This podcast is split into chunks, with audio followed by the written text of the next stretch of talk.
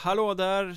Trash Talk är tillbaka, jag som heter Micke Mjörnberg och Henrik Hockeystaden Skoglund borta i Jönköpingstrakten eh, Vi sitter här två i stort sett arbetslösa frilansjournalister och ska påta lite i det som händer och kanske inte händer kring Hockeyettan nu när det inte är någon säsong och när vi inte vet när det blir någon säsong och när vi inte har så mycket annat att göra Nej, precis ehm, det ska vi göra och precis som du säger här, när vi inte vet om det blir någon säsong nu, nu kommer jag nu kommer jag döda stämningen fullständigt här, men det, jag, jag måste faktiskt säga här att det, det, känns som att det finns en övertro på att det faktiskt kommer bli en säsongstart i eh, augusti då med träningsmatcher och sånt där. Jag är faktiskt inte helt säker på att det kommer bli utan att ha några belägg för det, men vi kommer nog må rätt gott i sommar och och viruset kommer nog ha gått ner men många säger ju att det kommer dra igång i höst igen. Så vi ska nog inte vara helt hundra på att det drar igång men självklart hoppas vi ju. Vilken eh, klackarna i taket inledning det blev på den här ja. podden också.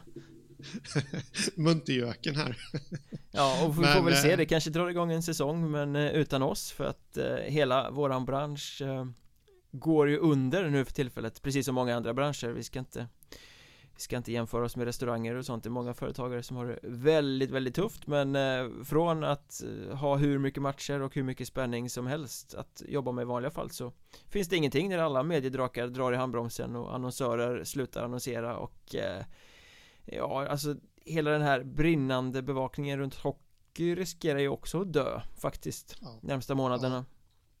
Faktiskt, det är, det, är väl, det, är, alltså det är riktigt skumt. Eller jag förstår ju att det är, att det är så, men liksom nu finns det ju hur mycket som helst att skriva om. Det finns hur mycket som helst att läsa om. Folk är hemma dessutom eh, i stor utsträckning på grund av det här med karantän och att man eh, ja, har blivit beordrad att jobba hemifrån. Men eh, eh, alltså annonsörerna har ju dragit sig tillbaka. Så det, det är precis som du säger, det är ett tufft läge och det ska, ska jag fortsätta på mitt muntra spår här nu så jag ser faktiskt detta som en eh, rejäl fara för demokratin faktiskt. Eh, nu menar inte jag att demokratin skulle få sig en törn just att hockeyjournalistiken går ner, men det här gäller ju väldigt många frilansjournalister. Alltså jag, jag läste någon igår som eh, som skrev om något speciellt ämne som jag inte ens kommer ihåg nu, men, men som hade mycket med, med det här med upphandlingar och, och liksom sjukvård och sånt att göra, men, men den här personen får ju inte heller jobb nu. Så det är, det är riktigt allvarligt läge för oss med och det jag förstår ju att, att man ska stötta sitt eh, lokala hak, eh, mathak och man ska stötta lokala idrottsklubbar alltihopa men det gäller att se bortom det med. Det, det är många branscher som är i gungning faktiskt. Väldigt många handbromsar som eh, dras. Mm. Men jag har funderat på en sak kring det där, alltså eh, alla förstår ju Corona slår stenhårt Sponsorer kommer inte kunna sponsra i samma utsträckning Det är mycket som har blivit inställt för många klubbar. Eh, men det känns som att det är väldigt, väldigt många klubbar som är ute och flaggar för att existensen är extremt hotad för att de har fått ställa in ungdomskupper. Eh, och jag får liksom inte ihop det där, kan ungdomskupper Nu är inte jag någon föreningsekonom så jag vet faktiskt inte riktigt hur det ser ut Men det, det är ju väldigt oroande om det är så att Många klubbar står och faller med en ungdomskupp som genomförs eller inte. Framförallt som varenda jävla klubb tycks ha sina ungdomskupper på något sätt. Ja, nej men de drar in väldigt mycket pengar på det. Det, det. det, har man egentligen hört i alla tider, känner jag. Det, det är inte bara hockeyklubbar, utan det är, det är fotbollsklubbar och alla möjliga som tjänar väldigt mycket pengar på just sådana här grejer. Eh, och just med tanke på hur ekonomin ser ut i lägre divisioner så, så, så, är det klart att det är en stor del av kakan i det de budgeterar med.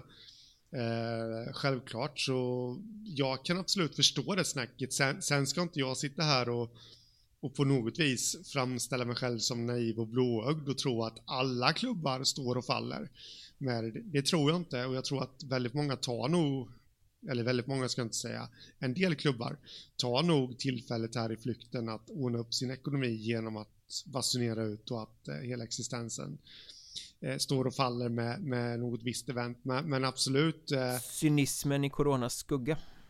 Ja, men precis så. Men, men, men, jag tror faktiskt, jag, jag har sett lite där på Twitter och sånt, folk som har skrivit att det är skitsnack, att klubbar eh, nu eh, råkar illa ut. Men, men, jag skulle vilja säga till dem att det är skitsnack det ni håller på med för att eh, det, det är en stor del eh, som de drar in. Och, och dessutom så är detta en kombination med, med sponsorer också. Alltså det är ingen som vet vad som kommer hända.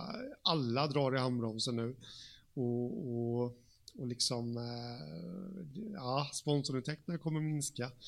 Så det är nog en kombination tror jag. Det kanske inte är just så att man står och faller med en ungdomsgrupp, men, men man ser lite framåt också eh, på vad som kommer hända nästa säsong. Och jag kan tänka mig att det är en hel del sponsoravtal som skulle hjälpt både nästa och nästnästa säsong, så just i detta nu sitter och omförhandlas för att eh, företag drar i handbromsen. Så eh, Nej, jag, jag stör mig faktiskt lite på det där. Eh, jag har sett många som går upp med det att ah, klubbarna var gnäller och, men nej.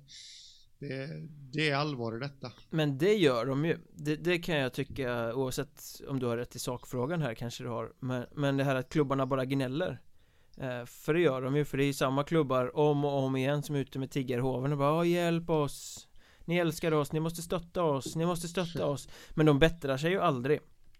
Alltså även när, det var, även när det var högkonjunktur och gick superbra för alla så var det ju fan Tigga, tigga, tigga, oh, tigga, tigga, ännu mer Liksom, sådär lät lite punk där. Ja, ja jag, jag gillar lite punk så att det är Ihåligt och skrälligt. Ja, jag blev lite rasp i halsen, coronan kommer och tar mig eh, Samtidigt som jag har Ebba Grön inspiration här. Nej men jag fattar vad jag menar. Det är liksom ja. Att skänka pengar och hjälpa en idrottsklubb är ju bara att kasta pengar i någon sorts eh, svart förnekelsehål för att det är inte så att man räddar några en gång och sen är allt frid och fröjd och de sköter sig utan de är ju oförbättliga Idrottsklubbarna oftast. De tigger och tigger jo. och ger Sen är de tillbaka i samma situation ett år efteråt igen Ja men så är det och vi, vi har ju liksom, det har vi tagit upp flera, flera gånger här. Eh, att, eh, att det är så och det är samma klubbar ute och alltihopa där. Eh, men eh, nu om någonsin så skulle jag väl säga att, eh, att det stämmer. Eh, det skulle jag säga. Men vissa bättras aldrig. Men, vissa men, kommer vara tillbaka nästa säsong också. Garanterat. Och, och, varför hålla på och tigga? Men det, det, det är någon sån här sjukdom hos idrottsklubbar att göra sig till offer på något sätt. Nu har vi problem med ekonomin, ni måste hjälpa oss och så går man ut, swisha oss, alltså kampanjer för att tigga pengar helt enkelt Varför liksom inte vända på det och göra något Försöka ge något istället Eh, istället för att bara tigga Jag såg Östersund gjorde någon grej, jag vet inte om Om det var laget eller delar av, av klubben som ställde upp och typ körde utkörning från restauranger. Ja men jag... Såg jag något om, då, då ger man ju tillbaka till samhället för man hjälper restauranger i den här tiden. Kanske kan få in en liten slant genom eh, utkörningen då, att göra något vettigt liksom. Då, då får du ju en goodwill på det också. Du plockar in lite pengar eh, Samtidigt som du ger något tillbaka till samhället eller till folk inte bara det där tigga liksom Jag tycker det, jag nästan föraktar det här tiggandet som pågår Ja, du har helt äh, rätt David att man, man, man ska ge tillbaka. Men en idrottsklubb symboliserar ju lite unga, friska människor äh, och dessutom gamla människor som eldsjälar. Och en idrottsklubb för mig är ju en, äh, en samman slutning som ger tillbaka väldigt, väldigt mycket till samhället i form av att man, man, man, man fångar upp människor och, i en klubb och eh, absolut, jag vet att Rögle har ju startat någonting, Röglehjälpen tror jag, i samarbete med någon matvarukedja där de ska köra ut mat, om jag har fattat det rätt, till äldre. Eh, tyvärr, för att skämta till det lite, så tror jag att enda sättet man kunde betala på var ju via Swish. Det vet jag inte riktigt om, om så många hellre använder. Men alltså, det är inte för att, eh, och jag kan ha läst fel också, jag, jag bara såg detta i flykten. Så, så, eh, men det är ett jättebra initiativ och absolut, eh, du har helt rätt där att ehm, Alltså, jag, jag, säger som så här, nu var jag väldigt hård emot att ja, folk är hårda mot klubbar. men rent generellt så om man ser i det stora sammanhanget är det verkligen idrottsklubbars elitverksamhet som är huvudfokus att rädda nu? Det är ju uppenbarligen där de lägger pengarna för det som avslöjas här när alla eh, liksom förfasas över inställda ungdomskupper avslöjar ju lite att man använder ungdomskupper för att dra in pengar till föreningen som man sen kan lägga på sin A-lagsverksamhet. Ja, så har inte jag uppfattat det dock, men det, det kan ju hända. Jag, jag har faktiskt inte hängt med jättemycket, men Många har jag sett att man vill rädda elitlicensen, eller en del i alla fall, och, och där kommer vi i ett annat läge då att de här pengarna som man drar in på en ungdomscup används ju självklart till att rädda, eller rädda, men, men det bakas ju samman och man visar upp det i sitt bokslut att eh, här är våran ekonomi. Så eh, jag har väl inte, men, men jag har garanterat fel här nu, men jag, jag har inte sett någon där det i klartext har stått att rädda våran elitverksamhet. Det är väl klart att det inte står i klartext, men det är ju så. Man tar in pengar från ungdomsverksamheten som man sen öser på sin A-lagsverksamhet. Ja, vissa gör nog så. Jag, jag är inte helt säker på att det är generellt, utan att man, man bakar samman detta för att visa upp då för eh, licensnämnden. Och hade det varit, så... hade det varit ungdomsverksamheten som var viktig så hade ju elitlicensen varit skitsamma för att den avgör ju bara ifall representationslaget får spela i Hockeyettan, Hockeyallsvenskan eller SHL mm. det, Du kan ju ha vilken ungdomsverksamhet, vilken klubb som helst på lägre nivå utan licens um, ja, ja. Så, så att uh, helt, helt övertygad om att de här ungdomspengarna tas för att finansiera herrarna så att säga Sen är ju frågan, eh, vi var inne på det i förra podden, kommer det ens bli någon elitlicens nästa säsong? Det, jag känner att det skulle vara väldigt märkligt eh, om det skulle bli det, just med tanke på de här speciella omständigheterna. Och det är många som har tagit tillfället i akt och argumenterar för just det där också. Allt mm. från Hockeyallsvenskan till prominenta Hockeyettan-klubbar till, eh, ja, de flesta. Så jag tror ju liksom att eh, det, det, här i mångt och mycket också är precis, fan du, du snor mina, mina sayings här nu. Steget före. ja, steget före där. Eh, nej men alltså just det här, jag tror att många går ut med att inom citattecken nu då tigga pengar. Eh, för jag tror inte att alla, man, man, ska inte klassa alla som att de tigger pengar, men, men många gör det. Men jag tror att de gör det för att bädda för en opinion också mot att, att det inte ska vara någon elitlicens. Sen är ju jag som lite skapt lite som så att jag tycker nog att någon slags form av elitlicens ska det nog vara, men man får ju sänka kraven om vi nu snackar Hockeyettan här. Så jag hörde någon klubb som sa att de, de, de har någon, eh, någon, någon hockeyskola som drar in 100 000. Eh, jag vet inte vad de tjänar på det, men, men, att de får 100 000 in. Och det är klart att säga att att de tjänar hälften på den då, 50 000. Det är klart att det är betydande, det är en betydande del av de här 400 000 som klubbarna ska, ska visa upp nu. Så att, eh, 300 000 va? Ja, 300, ja, då är det en ännu mer betydande del. Eh, så någonting måste ju göras och jag börjar nästan känna lite att eh, förbundet borde nog gå ut relativt snart här med eh, var, vartåt vinden ska blåsa.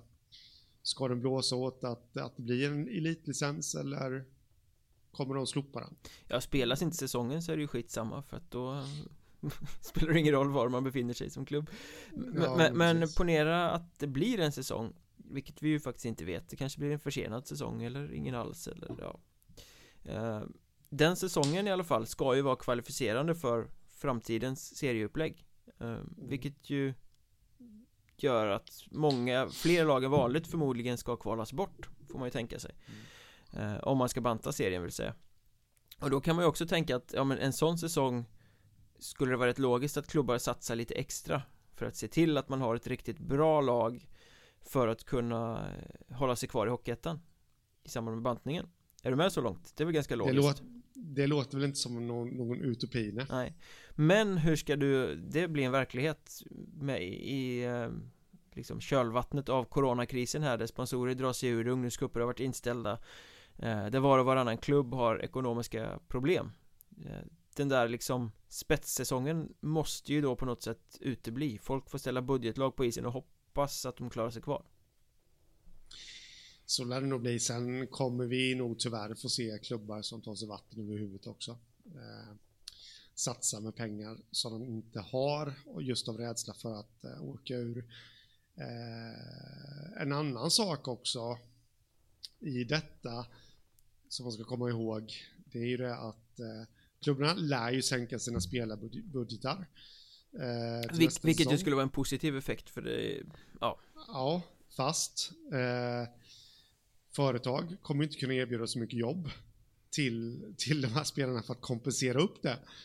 Eh, vilket innebär att, ja, jag höll på att säga att vi kanske kommer få se, ut, få se fler utlandsflyttar, men å andra sidan ser det ut mer likadant där också.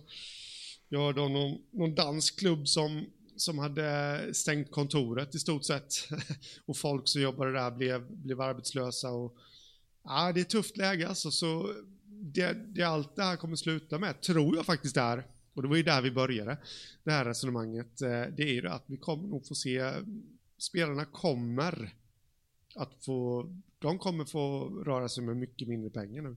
Ja. Eh, I och med att allting går ner och då, hur många kommer vi få se som lägger av då? Det är en väldigt intressant frågeställning respekt. faktiskt. Då blir det bara de här unga, riktigt unga som tror att de har en proffsframtid framför sig som ja. Orkar satsa vidare. Mm. Men jag menar, man, man tittar, med Kalmar har ekonomiska problem, Mörrum har ekonomiska problem, Hammarby, Nyköping Eh, Skövde var väl det senaste som jag läste igår Underskott på 600 000 eller något sånt där i, i det här läget um, Så väldigt, väldigt många klubbar som flaggar för att det här är ju kass Och många av dem har ju också bränt sitt kontrollår Ja Kommer vi få se en liksom utrensning redan nu? Nej, det tror jag inte Det skulle, äh, man ska ju aldrig förvånas självklart men äh, du, du, du menar att eh, förbundet genom elitlicensen då skulle kasta ut klubbar? Exakt. Är det så? Ja, nej, det, vore inte det att skjuta sig riktigt mycket i foten eh, för förbundet? Det kan man ju tycka, men eh, nu har ju varken vi kavaj eller eh, gråhåriga än, så att vi sitter inte på de posterna. Eh, ja, jag börjar faktiskt bli gråhårig. brukar min sambo, hon brukar eh, ofta påpeka det. Eh, men eh, det, det, det, var ett sidospår. Eh, men eh, nej, jag har väldigt svårt att se att förbundet, alltså de, de har tagit väldigt många konstiga beslut. Haninge exempelvis. Men när de kastade ut dem. Men nej, det, det, jag tror det skulle väldigt, väldigt mycket till. Nå, någonstans så måste ju förbundet, de måste ju jobba lite med sin goodwill här nu. Just med tanke på vad som hände när, när, när de stängde säsongen. Och retade upp en hel del genom att eh, inga klubbar går upp och inga klubbar åker, ja, du vet allt det där. Så jag tror att de sitter nog och slipar lite på sitt eh, PR-maskineri nu i Johanneshov. Men eh, apropå det, inga klubbar går upp, inga klubbar går ner, kvalserien ställdes in Men kvalserien pågår ju faktiskt, har du sett den här sköna Twitter-användaren att Pelle Glad? Pelle Läck ja. eh, jag tror han är Halmstad-supporter, han sitter ju faktiskt, eller har gjort De två första eh, omgångarna av kvalserien har han lajvat på sitt Twitterkonto. Eh, vilket ju är rätt kul, just nu då efter två omgångar eh, Den här eh, tisdagen när vi spelar in skulle det ju ha varit kvalserien omgång tre så det kanske dyker upp en ny omgång i, ikväll då på hans Twitterkonto där. Men eh, just för tillfället så är det de allsvenska lagen Kristianstad och AIK som ligger i topp. Och Mariestad har det lite tungt på sista plats. De förlorade med 4-1 mot Troja i senaste omgången på bortaplan. Kul grej säger jag. Ja, absolut. Eh, Det måste jag säga. Och det, det är ju lite det vi, vi behöver i de här tiderna som vi, liksom, vi, vi ja, befinner oss i. Vi, vi behöver fortfarande hockey och, och snacka om så att säga. Eh, och jag menar om än att det blir sånt där format och det, det funkar absolut för mig. Eh, faktiskt och jag måste ju ändå säga Kristianstad har vunnit, eh, det har de inte alls. De torskade alltså, på straffar mot Vimmerby senast ja, tror jag. Ja, jäkligt överraskande faktiskt men på så vis, som man ser tabellen nu då, Kristianstad och AIK i topp med fyra poäng vardera.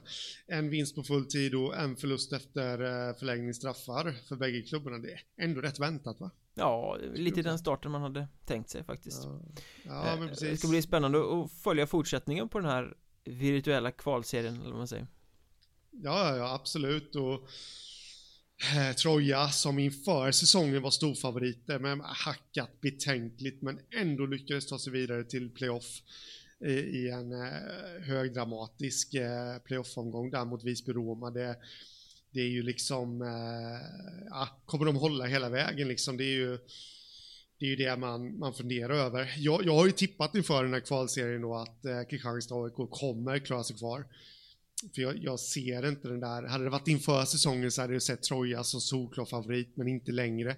Gör inte det just med tanke på att de har hackat så mycket. Eh, Vimmerby, Dark Horse, som eh, kanske inte riktigt, de har inte riktigt fortsatt på det där skrälltemat. Eh, här nu även fast de eh, slog eh, Kristianstad så eh, ser det lite tufft ut för dem. Väsby hänger med också. Ja, de smyger med där. De eh, ja. kan nog bli farliga faktiskt. Ja, det tror jag. Men sen är man ju lite överraskad över Mariestad också där att eh, endast två poäng eh, omgång ett då. Alltså det, det, var också en liten skräll. De slog ju AIK på övertid. Har jag för mig att det var på hemmaplan.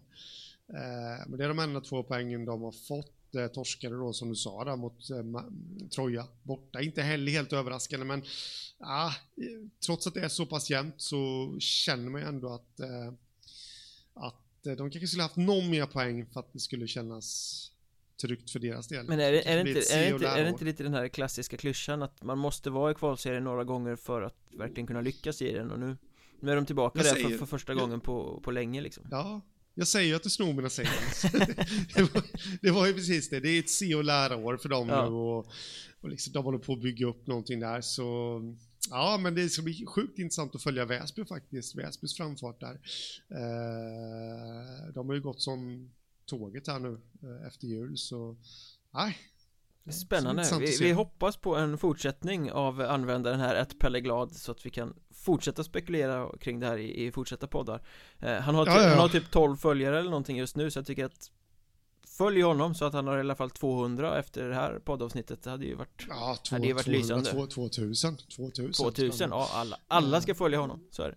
Ja, alla ska följa honom och eh, jag hoppas ju faktiskt att eh, att eh, något bolag har köpt in rättigheterna till det här nu. Eh, att han, eh, jag vet inte hur han gör nu, ifall han, men det, det, låter kanske rimligt att han slår tärningen eller något, jag vet inte, men att man får se liksom omtagningar i slow motion och alltihopa liksom på tärningskasten där. ATG har ju rättigheterna så att det är ju ATG tärningsettan.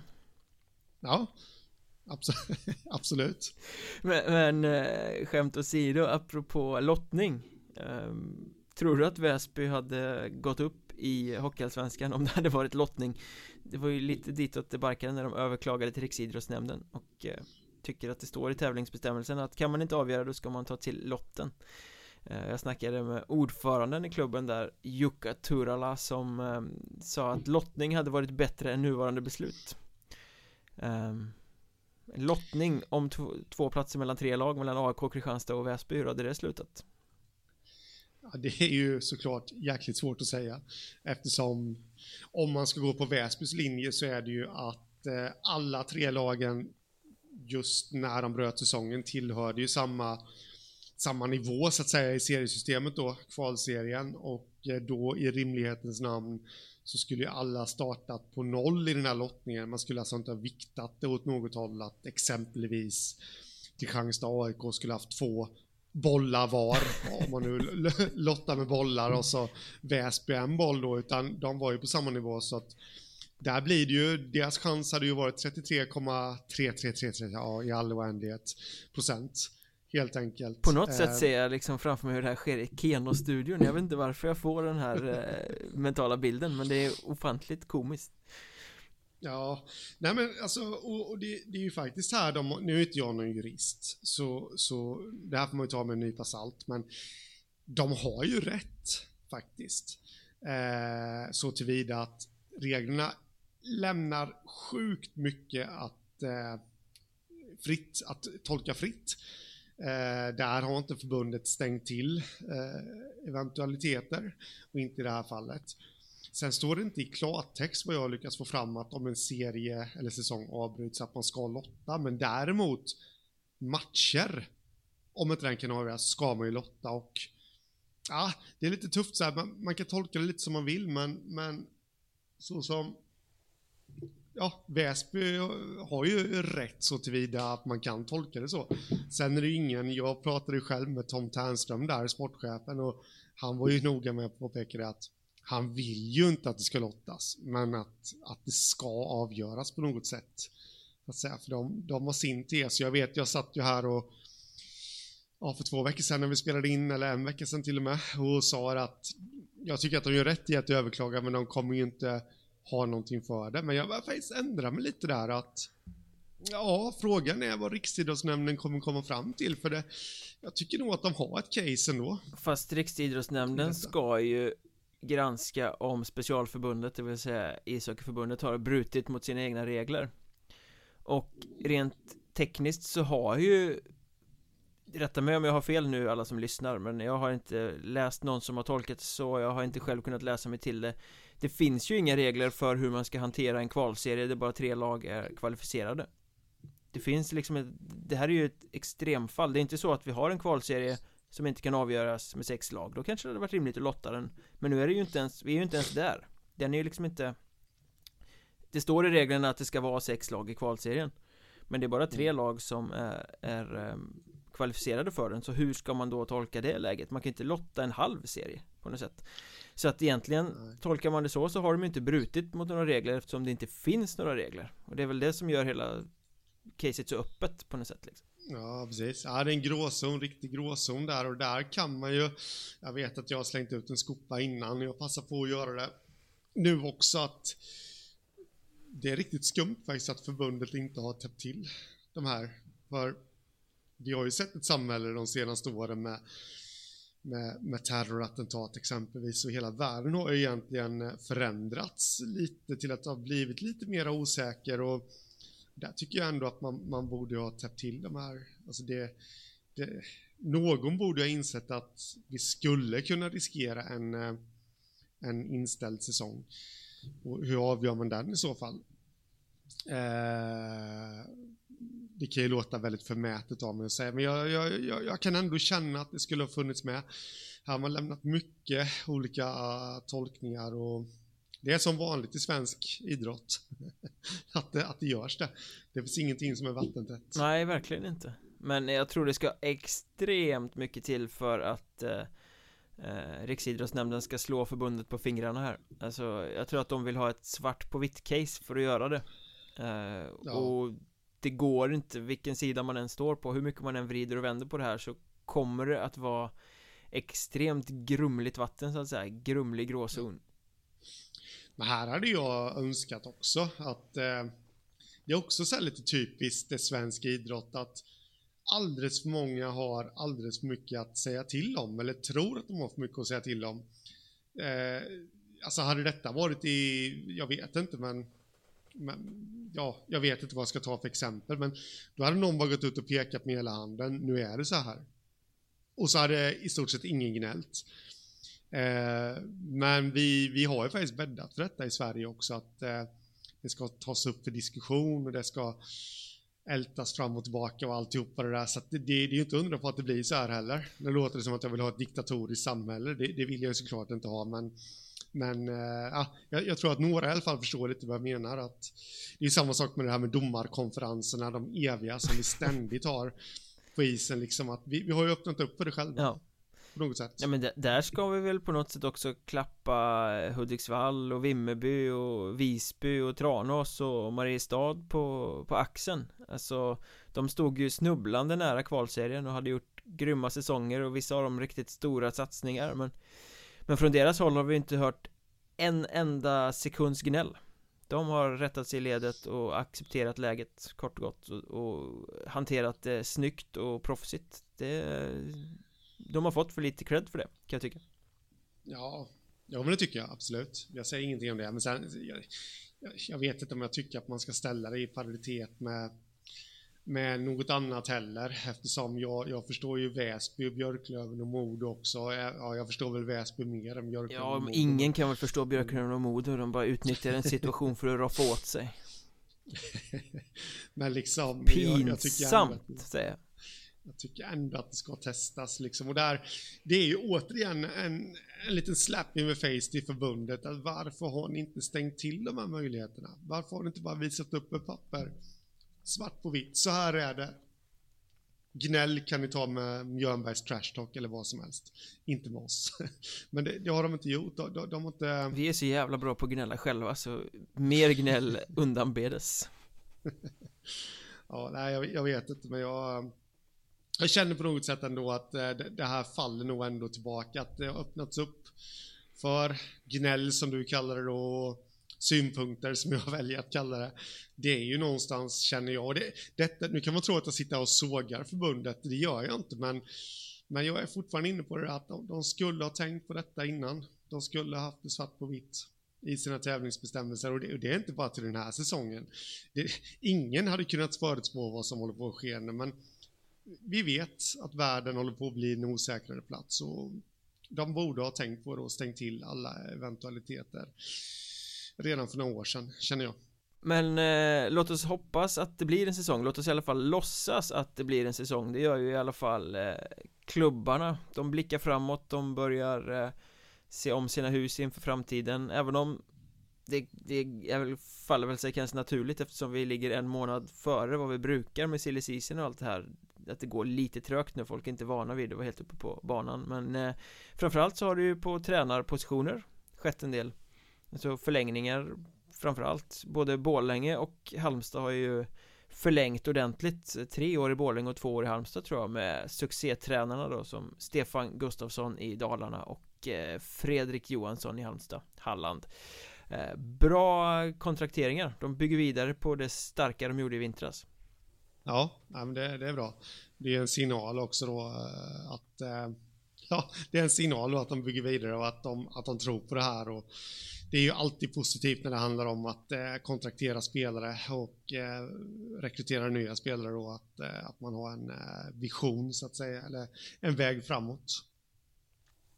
Vem tror du mest på av de två? Menar du tränarna eller klubbarna? Ja men det är så kombinationerna, vilka har mer att kräma ut? Halmstad och Fredrik Johansson eller Borlänge och Stefan Gustafsson? Ja, alltså jag kommer ju få äta upp det här självklart, men eh, det känns väl som att eh, eh, Borlänge ändå va, skulle jag tro. Stefan gjorde väl sin, var inte det hans första säsong här nu? Jo. Eh, Fredrik har ändå varit en tid i Halmstad och med det menar jag inget negativt nu, men nu fick han äntligen alla bitar att falla på plats. Eh, det kan mycket väl fortsätta på samma spår nästa säsong. Men, men om man ska se det största uppsvinget kanske nog Borlänge ändå kan stå för. Det tror jag absolut. Sen, sen ska vi inte förringa det här Alltså, eh, Borlänge har väl fortfarande inte, alltså de stod för en bra säsong men publiken kommer inte. Däremot så har Halmstad lyckats locka tillbaka publiken skapat ett intresse, vilket, om vi nu bortser från det här med corona och alltihopa då, vilket kommer generera i att fler företag blir intresserade. De har en jättefin anläggning, det är en fin stad, inget ont om Borlänge, jag har själv varit där massvis med gånger, men, men liksom Halmstad är finare. Så... Jag har svårt att säga att Borlänge är särskilt fint faktiskt. De har, de har något hotell där som jag har bott på faktiskt eh, under min eh, Postnord-karriär. Eh, där, där riktigt fin restaurang faktiskt. Men jag kommer, Gustav Vasa kan det nog heta. Vi är inte sponsrade av dem nu. Men eh, skitsamma. De kanske har gått omkull i ja, coronatider. Det kanske de har gjort, men eh, de, de har sluntit med skidan. Nej då, men, men eh, men så på så sätt kanske Halmstad har mer att kräma ur, ur det här ändå. Just att man ser ett förtroende i att Fredrik Johansson fortsätter allt det där. Men ska man se det största uppsvinget så tror jag nog faktiskt på Borlänge. Det känns som spännande med ung tränare som får bygga vidare Han pratar ju väldigt mycket om sin resa och att han tycker att skadebilden eh, under säsongen gjorde att de inte riktigt kom så långt i sin utveckling som han ville att de skulle göra mm. Svårt att vikta den typen av snack i praktiken kan jag tycka. Men eh, intressant att se hur mycket han kan bygga vidare. Att de skriver så många år också eh, Vittnar ju om att de har en plan för det. Ja, det får man hoppas att de har en plan. Det vore ju konstigt annars. Några som har en plan och att sikta mot allsvenskan är ju Tranås så där fick vi faktiskt en läsarfråga via Twitterkontot Nu när Karl Helmersson har eh, valt att inte nyttja optionsåret i sitt kontrakt. Han skrev 2 plus 1 Det där plus 1 försvinner i och med att han fortsätter karriären i BIK Karlskoga, det kanske vi kommer till också. Men, men eh, läsarfrågan lyder i alla fall. Vem borde ta över som huvudtränare i Tranås eh, när det tredje och sista året på visionen att gå upp i Hockeyallsvenskan? Eh, Ta över efter Karl Helmersson då alltså. Ja, eh, det kan man fråga sig Faktiskt. Eh, kanske dags för en eh, ytterst, ytterst gammal och trött tränare. Skämt åsido. Eh, eh, det är väl nästan så att de ska fortsätta på samma spår va? Eller vad säger du? Ja men jag känner väl så att snarare än att kasta upp ett namn så tror jag att det är viktigt att uh, naila ner vilken typ man ska ha och här tror jag att man satsade på Karl Helmersson, han är runt 40 där någonstans uh, när han började, det är han ju nu också, det har bara gått några år Eh, någonstans i det segmentet, någon som är ung, som fortfarande håller på och liksom utvecklar sin tränarkarriär men som har kommit en bit på vägen och har mycket fräscha idéer och ett modernt ledarskap. Det måste fortsätta på, på den typen av tränare, sikta in sig på någon i 40-årsåldern där, som är på väg uppåt. Eh, för jag tror inte att man har mycket att tjäna på att eh, ta in liksom någon äldre rutinerad 60-plussare liksom som kommer Nej. Utan här handlar det Karl Helmersson under hans två år har ju Tranås gjort betydliga framsteg um, Det kan han säkert tillskriva sig en hel del men, men Det har blivit en lite annan mentalitet i klubben så att jag hittar någon Någon typ av ganska liknande tränare tror jag faktiskt på mm, Nej, jag håller med dig Det finns ingenting att ifrågasätta där och då är frågan Vem? Namn? Och den är ju svår namn? Jag kan kasta upp ett namn, nu vet jag inte om han har signerat sitt eh, kontrakt i Forshaga än eh, Men det är ju Dennis Hall som hade eh, Borlänge några säsonger och som sen var nere i Schweiz med Fredrik Söderström innan han åkte hem och tog över Forshaga. Han har ju haft ett kontrakt på bordet att fortsätta i Forshaga vilket passar hans livssituation, civila situation väldigt bra eftersom han bor i Karlstad numera. Men där har du ju i alla fall, jag vet inte om han har skrivit på med Forshaga, då är det ju kört Men där har du i alla fall ett namn som passar det som skulle vara Tranås profil väldigt bra. Mm. Ja, det, jag håller med dig med. Uh, jag hittar väl kanske inte egentligen så här spontant något uh, bättre namn eller mer passande namn, så jag har liksom ingen joker direkt att kasta upp här, men eh, uh, än jag, än jag ändå har tänkt på att det är lite konstigt att, eller konstigt vet jag inte vad jag ska säga, men det är ju han Erik Karlsson, kommer ni ihåg honom? Han som det var väl när Hellegard fick, fick lämna Vimmerby va? För rätt många säsonger sedan, tre säsonger sedan kanske. Exakt, han var ass då och så fick han kliva upp och ta över och, ja. gjorde bra resultat med Vimmerby. Ja, det gjorde han och, eh, och liksom eh, dessutom snacket runt omkring honom var ju att han skulle, ja, det här var en framtida tränare på toppnivå eh, och han det var väl nästan så att man blev lite överraskad över att Vimmerby inte valde att satsa på honom eh, sen till säsongen efter. Men de ville ju att han skulle ha lite mer kött på benen och sådär och han försvann senare iväg till Karlskrona, eh, deras J20-lag och utan att veta hur han har det eh, med sitt kontrakt och sådär så, så känner jag väl ändå att eh, ja men vad fan, kan det inte vara läge att eh, kasta in honom i hetluften nu då? Han har ju inte varit med på A-lagssammanhang sedan dess, men eh, men det kanske kan vara läge nu. 26 år bara, kanske lite väl lugnt. Jag vet inte vad du säger, men... Eh, mm, jag är på ah. gränsen där. Jag tror... Min, min Tranås-profil säger nog att det ska vara lite mer rutin. Mm. Lite större uppdrag. Men det är ett intressant namn, absolut. Mm. Ja, men absolut. Apropå mm. Vimmerby, vad tror du om att försöka lirka till sig Phil Horske då? Ja, eh, jag tänkte den tanken med när jag pratade om Vimmerby. Det skulle kunna vara någonting och det skulle ju, oj oj oj, det skulle ju spä på rivaliteten rejält. Faktiskt, mellan de två klubbarna. Eh, som att den skulle kunna bli så mycket hetare, men eh, ja, möjligt. Ja, alltså rent hockeymässigt så tror jag det skulle kunna funka hur bra som helst. Däremot Ja, jag tror det kan vara svårt att han sägs ju vara ganska hårda nyper och ganska bestämd i vad han tycker Säger vad han tycker och ganska liksom Konfrontativ sådär. Eh, Vet inte om det är en riktig eh, perfect match efter Karl Helmersson Där. Nej. Det blev ju lite gnälligt i Tranås när Fredrik Mälberg var där att det var för hårt och sådär. Um, Känns som att det kan bli lite samma sak med Phil Horsky om han kommer in. Jag är inte helt säker Även om det, det är en lockande tanke att spä på rivaliteten genom att plocka För där har du ju verkligen en framtidstränare som fortfarande är ung och som har unga fräscha idéer liksom. Ja, ja precis.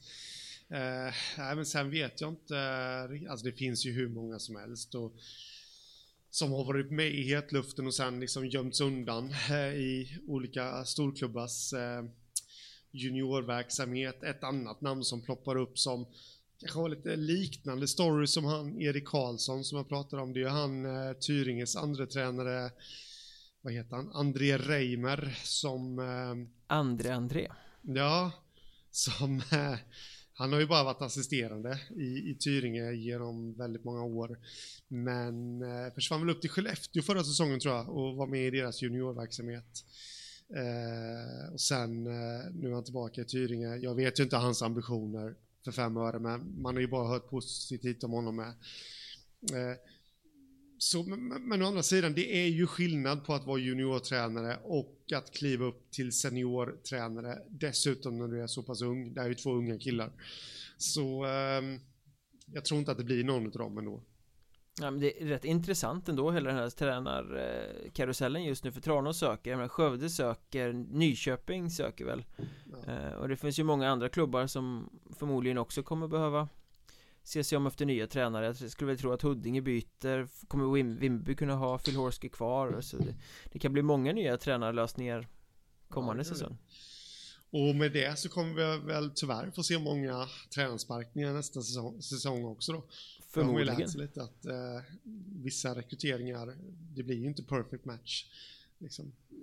Och det lär ju bli många målvaktsförändringar också om vi byter ämne helt och hållet och hoppar vidare till målvakter istället För Daniel Marmelind har ju redan valt att lämna Visby för Västervik eh, Vi väntar på att AIK ska eh, presentera Edvin Olofsson från Väsby Det har ju varit klart i 158 år känns det som eh, Du tror att det blir några fler som kliver från Hockeyettan till Hockeyallsvenskan kommande säsong? Uh, ja, det lär det ju bli. Sen att kasta ut namn så här, det, det blir lite svårt eftersom uh, det känns som väldigt många kommer kunna ta klivet. Men få är kallare. Sen fastnade jag lite i din, jag vet, tror inte att du tänkte på det själv, men det var väldigt många V där ett tag. Uh, Väsby, Vimmerby, Vi väntar, sa du. Visby. Ja, precis. Västervik. Ja. hur mycket som helst. Men eh, nog om det. Uh, uh, har du något namn att kasta upp då? Tror du vem förutom Marmelind och förmodligen då Olofsson kommer försvinna? Eh, AIK-lägret har ju också ett väldigt gott öga till Claes Endre i Boden vet jag ja. Däremot tveksamt om de vågar satsa på två Hockeyettan-målvakter Men han lär ju vara ett namn som finns på vissa allsvenska klubbars radar. Thomas Rydén har gjort det bra i Vimmerby två säsonger nu. Känns som han kan vara mogen. Tobias Sandberg i Mariestad framförallt Han har väl varit där i tre säsonger. Och hans tvåårskontrakt går ut nu. Eh, Han har ju inte gjort något annat än att bevisa att han är mogen för Allsvenskan Så han Jag tycker att han ska ta klivet nu. Mm. Isak Mantler i Lindlöven Känns också, han är tredje målvakt i Björklöven Eller skulle ha varit tredje målvakt i Björklöven nu under våren. Um, Robin Johansson i Nybro vill ju tillbaka till Hockeyallsvenskan skulle jag tro Ja, just det, han har, han, har, han har väl också ett optionsår som man sitter och funderar lite på eh, Så det finns ju många namn som skulle kunna ja, försvinna precis. uppåt ehm, Frågan är hur många klubbar som kommer behöva en ny målvakt Ja, det är just det. det. Det, krävs ju också att det blir en ruljans i allsvenskan eh, för att de ska få jobb där. Eh, och jag tror att väldigt många sitter nog rätt lugna i båten nu också, eller de tvingas till det just med tanke på att vi inte vet vad som händer med elitlicens och sponsorpengar och alltihopa. Så vi kommer nog få vänta lite på att få svar på det, men eh, Robin Johansson självklart är ju ett, eh, ett självklart namn för allsvenskan. Jag tycker han gjorde det riktigt, riktigt, riktigt bra i Nybro och såg så här äckligt tät ut som man bara älskar när målvakter gör. Det var inget, liksom, inga yviga rörelser eller någonting. Utan det, han såg ut som en låda som bara flyttade sig, liksom som när, när man spelade de här gamla tv-spelen förr i tiden. NHL 95. Ja, men ungefär så hoppa upp, hoppa ner liksom och, och fånga en boll eller eh, som lite som pingis. Det var så han såg ut, han bara flyttade sig hela hand och så stoppade han pucken. Liksom. Så ett självklart val skulle jag tycka. Och då, jag menar det finns ju Nu här nere i Småland, det känns ju som Tingsryd till exempel kommer behöva fylla på På målvaktssidan. Arvid Söderblom heter han va? Gick ju upp till, ja. eh, till SHL och Gick han upp till Skellefteå? Ja. Hoppas jag inte Hoppas han... Jo, eh, de ställde in tåget på grund av Corona så att eh, han fick promenera. Ja, det är bra träning. Nu kan han skippa all försäsongsträning efter det här. Fan vad skönt. Ja men eh, Tingsryd, Almtuna eh, Västerås kanske ska in en andra keeper Svårt att se att de kör vidare med Myrenberg Kruse På något sätt. Mm. Framförallt som Myrenberg väl konkurrerade ut Kruse säsongen som gick så Blir han kvar i Västerås så tror jag inte Kruse vill vara kvar. Ehm, men, men, det är bara spekulation, men försvinner de här målvakterna Då måste ju hålen fyllas också i Hockeyettan. Vem ska mm. stå i Nybro, vem ska stå i Mariestad? Ehm, ja, precis. Till exempel. Ehm, Ja, precis. Jag, jag blev lite överraskad om man nu skulle lasta fram ett namn som kanske rör sig internt så att säga då i Hockeyettan. Så blev jag faktiskt lite överraskad eh, Dalens, eh, HC Dalen gick ju ut med häromdagen då att de eh, har spikat sitt, målvaktspar till kommande säsong. Och det kommer bli Alexander Sundstrand kommer fortsätta och Oskar Malm tillkommer från Nyköping var väl han i senaste, han har ju stått i Allsvenskan och i Kallinge-Ronneby också i ettan. Och har gjort det bra stundtals. Och just det blir jag inte så överraskad över att de, eh, att de eh, satsar på det målvaktsparet. Det, det jag blir lite överraskad över det är att David Elmgren nu då verkar försvinna från dalen och utan att veta någonting alls över hur snacket har gått eh, de, de emellan, alltså spelaren i klubben, så, så blir det lite, för grejen är att han ska ju spela i Australien i sommar. Melbourne Ice va? Melbourne Ice, ja, jajamän. Eh, men det är ju bara någonting som kommer pågå fram till ja, strax innan seriestart av Hockeyettan, så rimligtvis så, så borde ju han vilja ha någon ny klubb. Eh, men, men, utan att veta någonting alls om något. Han var ju riktigt nära allsvenskan inför den här säsongen exempelvis.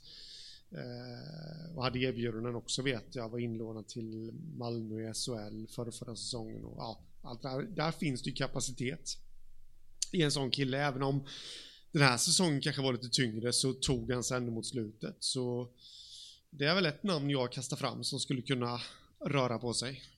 Det känns som en Tyringe-värvning. Tror du det? Nej, det bara fick den spontana känslan. Ja, jag vet inte. Annars, Nybro, nej de kommer nog söka ett mer profilerat namn tror jag, de är så illa tvungna Oavsett om någon annan skulle vara bättre lämpad eller inte så kommer de, om Robin Johansson lämnar, behöva ha ett nytt högprofilnamn där på något sätt för att blidka fansen. Ja, det kan ju förvisso stämma. Det återstår att se. Ehm, jag tror att det kommer bli ganska mycket rörelse på målvaktssidan faktiskt så att eh, vi får följa upp det i kommande poddar hur saker och ting har, eh, har rört på sig. För det är ju så att är det någon position som är väl eh, beställd i Hockeyettan så är det ju just målvaktspositionen Ja, jo men så är det. Det känns som att det är någonting som eh, går ner genom hela seriesystemet egentligen.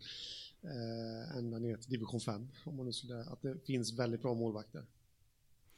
Utespelare då? Det är inte så många som har signat än så länge Det går lite trögt men det beror ju på som sagt att vi är igång tidigare än valet Men på grund av den här coronaskiten Eh, på grund av osäkerheten Blir det någon säsong? Blir det mindre pengar nästa säsong? Hur kommer det se ut? Tror du att det kommer innebära att Spelare signar senare? Ja men det tror jag Som jag var inne på innan så tror jag att det kommer dröja plus att eh, Plus att många kommer nog lägga av Känner man liksom att man att man kanske inte har, man, man, har fortfarande drivet och ambitionen men man kanske känner det. Jag tror att många spelare kanske kommer bli mera, vad ska man säga, eh, mera, ja oh, herregud nu finner jag inte ens orden men eh, se sin egna verklighet lite mer. De kommer ställa sig frågor, kommer jag någon gång nå Hockeyallsvenskan? Nej, det är nog inte så rimligt. Har jag drivet? Ja, det har jag, men nej, jag har inte råd, jag lägger av. Jag tror tyvärr att det är mycket sånt vi kommer att se. Men en, eh, en högprofilerad värvning har vi fått se i alla fall redan. Det är Anton Tarno som lämnar Teg och skriver på för Boden. Mm. Jäkla bra värvning. Eh, den görs väl möjlig av, han är ju läkarstuderande så att jag tror, eh, om jag kommer ihåg rätt, vad han sa till mig när vi snackade i våras, vintras, ja, någon gång att han skulle ut på AT-tjänstgöring Ja, okej. Eh, Och då får man väl anta att AT-tjänstgöringen görs längre norröver och att det därför passar bättre med eh, Boden Mm. Eh, Så att det återstår väl att se också om man kommer spela alla matcher eller så För att jag menar, gör du AT som läkare så Det är inte direkt så att du, nej men jag kan inte vara med idag för jag ska åka till Kiruna och spela division 1 match Sådär, vi får väl se Men på pappret en fantastiskt bra värvning av Boden Ja, ja, absolut. Han har gjort en, stått för en riktigt stark säsong och eh, eh, ja, de har börjat silver bra där faktiskt. Någon annan sån här, det, det är mer kontraktsförlängningar än värvningar Eh, Är det någonting som har stuckit ut tycker du så här långt som känns som en eh, Det där var bra Nej, inte så så att jag har slått klackarna i taket direkt och, och öppnat eh, min dunk med hembränt för att fira, men eh, vad heter det? Nej, men jag antar att du kommer lasta fram en massa här nu. Jag lastar alltid fram en massa, jag är ju Ja. nördigt nedgrävd i det här Att Kiruna AF får behålla sin poängkung Jakob Geidon Hansson, eller Hansson Geidon Jag vet inte vilken ordning namnet ska komma där men eh, han gjorde ju ändå 44 poäng på 30 matcher i, i vintras Mm. Skapligt viktig pjäs att förlänga tidigt med Jo, men, ja precis. Och det där är också någonting som är så viktigt och det vet jag att jag har varit inne på innan här också i podden. Men, men liksom just det där att eh, jag tycker att fler, efter man har gjort en succésäsong, så är det så många, det är inte så konstigt, det är väldigt många som försvinner då för högre uppgifter. Men jag tycker att fler skulle faktiskt stanna en säsong till och följa upp det, för då får man nog en större trygghet i, i sitt egna spel och i sin egna vardag och hej och liksom att kan man följa upp det, ja men då vet man ju att man är en eh, toppspelare, så att säga. Alltså då, då vet man att man fixar detta. Men, men alla kan liksom ha en, eh, en bra säsong, beroende på väldigt många omständigheter. Men det är ju de som, som, som kan fortsätta leverera, kan fortsätta klättra eh, sen som, ja, som kommer bli något, höll jag på att säga. Men ja, jag tror alla förstår vad jag menar. mm. Kiruna IF eh, å sin sida då har signat upp Simon Tyni som är lite kulturbärare i stommen där, en av deras vassaste forwards även om hans poängskörd inte går att mäta med Hanssons Men det känns som att nu, nu börjar de matcha upp mot varandra här Kiruna-gängen Ja. Det kalla kriget. I stan som fortsätter flytten även om corona härjar Det kanske inte har kommit dit utan det är inte längre än till Åre än så länge Ja, nej, precis. Nej, men det, jag vet att man säger ju det att det är Norrland man ska åka till om man vill undvika att bli smittad. Tälta i skogen någonstans där Ja, ja precis. Sen tycker jag det var ganska eh, upplyftande att Hugo Ollila eh, Genombrottsman i Linden väljer att stanna också, skrev på tidigt. Han gjorde 43 poäng på 40 matcher sin första Hockeyettan-säsong. Ja, eh, Han är ju ung och liksom kommer upp på förs- första smaken på Hockeyettan Blir så mycket poäng. Eh, Där har vi väl kanske ett exempel på Din tes där då, bra att stanna i samma klubb. För här känns det ju som att en spelare med hans offensiva kvalitet borde ha varit intressant för kanske lite Större Hockeyettan-klubbar ja men precis. Nej, men det, det är bara bra eh, faktiskt att, eh, som jag sa innan, eh, bra gjort faktiskt av både klubb och spelare. Att lyckas attrahera varandra så att säga då. Det är inte så konstigt att spelaren har lyckats med det, men eh, just att klubben lyckas komma fram. För, för det är självklart att står man för en sån bra säsong då kan man ju ställa helt andra krav. Men att eh, klubben då lyckas tillmötesgå dem, det, det tycker jag är riktigt starkt. Tror du på en utveckling även kommande säsong då? Att han kommer fortsätta bli ännu Ännu vassare framåt Ja, då kommer ju det där in, du vet klassikern Sophomore season eller vad det nu heter. Mhm, Den Alltså- svåra andra säsongen Ja, precis. Eh, Så det kan man väl kanske inte riktigt garantera, men å andra sidan, det, det är nog bättre att få en sån säsong i en klubb där man känner sig hemma, där man känner sig trygg, än att få den i en annan klubb under sin andra säsong i ligan. Det, det tror jag absolut. Så, Ja du menar eh, signa med Mariestad och så bär det emot liksom ja precis. blir det svårare att hantera Ja, men precis. Eh, långt. Eh, nej, men så det, det, det, det tror jag absolut. Vad säger du om Jesper Broeng stannar i eh, Lindlöven då? Ja, också där. Bra faktiskt. Måste jag säga. Det är väl... Ja, har varit rätt imponerad av hans offensiva utveckling faktiskt Han är trygg med puck och allting sånt där så att jag trodde nog nästan att att han skulle eh, vara en sån här som avvaktar lite längre. Men skrev på tidigt precis som Kim Persson till Strömsbro. Strömsbro som ju har varit Väldigt framfusiga med att skriva många kontraktsförlängningar tidigt. Sen är det ju som så här också att eh, det ska man också ha med i beräkningarna att eh, alltså har du ett kontrakt på bordet i dessa tider ja men väldigt många väljer, man vet inte vad som händer i framtiden. Väldigt många väljer att skriva på det självklart. Då har de ändå tryggat sin nästa säsong. Eh, så den faktorn ska man inte heller underskatta. Eh, faktiskt att eh, corona, coronavirusets framfart gör att eh, så prominenta spelare eller framstående spelare förlänger så här pass tidigt. Coronakrisens, eh, coronakriseffekten. Ja, men lite så det jag har pratat med folk också som, som eh, säger det, eh, att eh, det är ju lite så där, att man får, jag ska inte säga ta första bästa nu, men ta ett snabbt beslut om det som känns bäst för stunden. För i och med att allting har gått så snabbt alltihopa, vi, vi vet inte var vi står om tre veckor. Ja, alltså, nu tror jag inte det, men säg att det kommer ett beslut om tre veckor att nej, hela nästa säsong ställs in. Det kommer självklart inte hända, men, men ni förstår vad jag menar. Då står det alltså hundratals och åter hundratals hockeyspelare utan ja, tusentals till och med, utan någonting att göra och ja, måste ta mm. ett eget jobb. Så att eh, någonstans så lär man ju ändå få en större trygghet i att skriva på nu. Det känns som att det finns två typer av aktörer bland klubbarna också. De som är ivriga och bara köttar på och signar upp. Jag tänker på Strömsbro, jag tänker på Linden, jag tänker till viss del på Enköping. Ja men sådär liksom det Knyter upp många nu Kontra andra sidan då som avvaktar Ja, och inte ja, skriver precis. något utan låter det gå kanske lite längre in på silly innan man börjar agera för att man vill Förhoppningsvis få lite mer koll på omvärlden och mm. var det kan barka liksom ja, eh, så är det. Ingen aning om vilken av de strategierna som är den bästa Nej, nå, jag får ju för mig ändå att eh, ska man se till om vi bara kollar ut rent spelarperspektiv så tror jag att det bästa är att skriva på nu för att någonstans så kommer det nog bli så att korttidspermitteringar exempelvis kommer kunna bli en lösning. Eh, och då har man ju ändå sitt på det torra, om man nu säger så.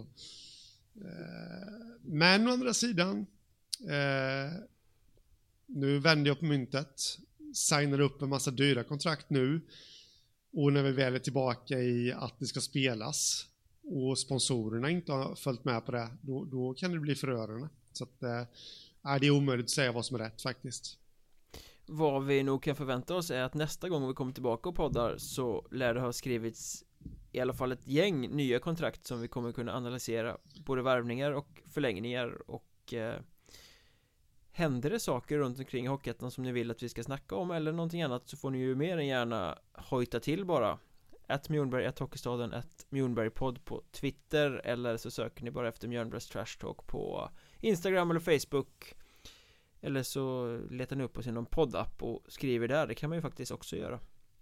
Om man vill, Oj, så, så, så, kommer vi se det eh, För nu känns det väl som att vi har kramat ur den här trasan ordentligt för den här gången i alla fall Jajamän, det har vi nog gjort Nu är det nu är det tillbaka till vardagen. Tillbaka till arbetslösheten eller på att säga. ungefär så, ungefär så. Vi håller modet uppe, vi fortsätter ha järnkoll på Hockeyettan så hörs vi väl ganska snart igen antar jag. Det gör vi. Ha det gött! Ha det gött!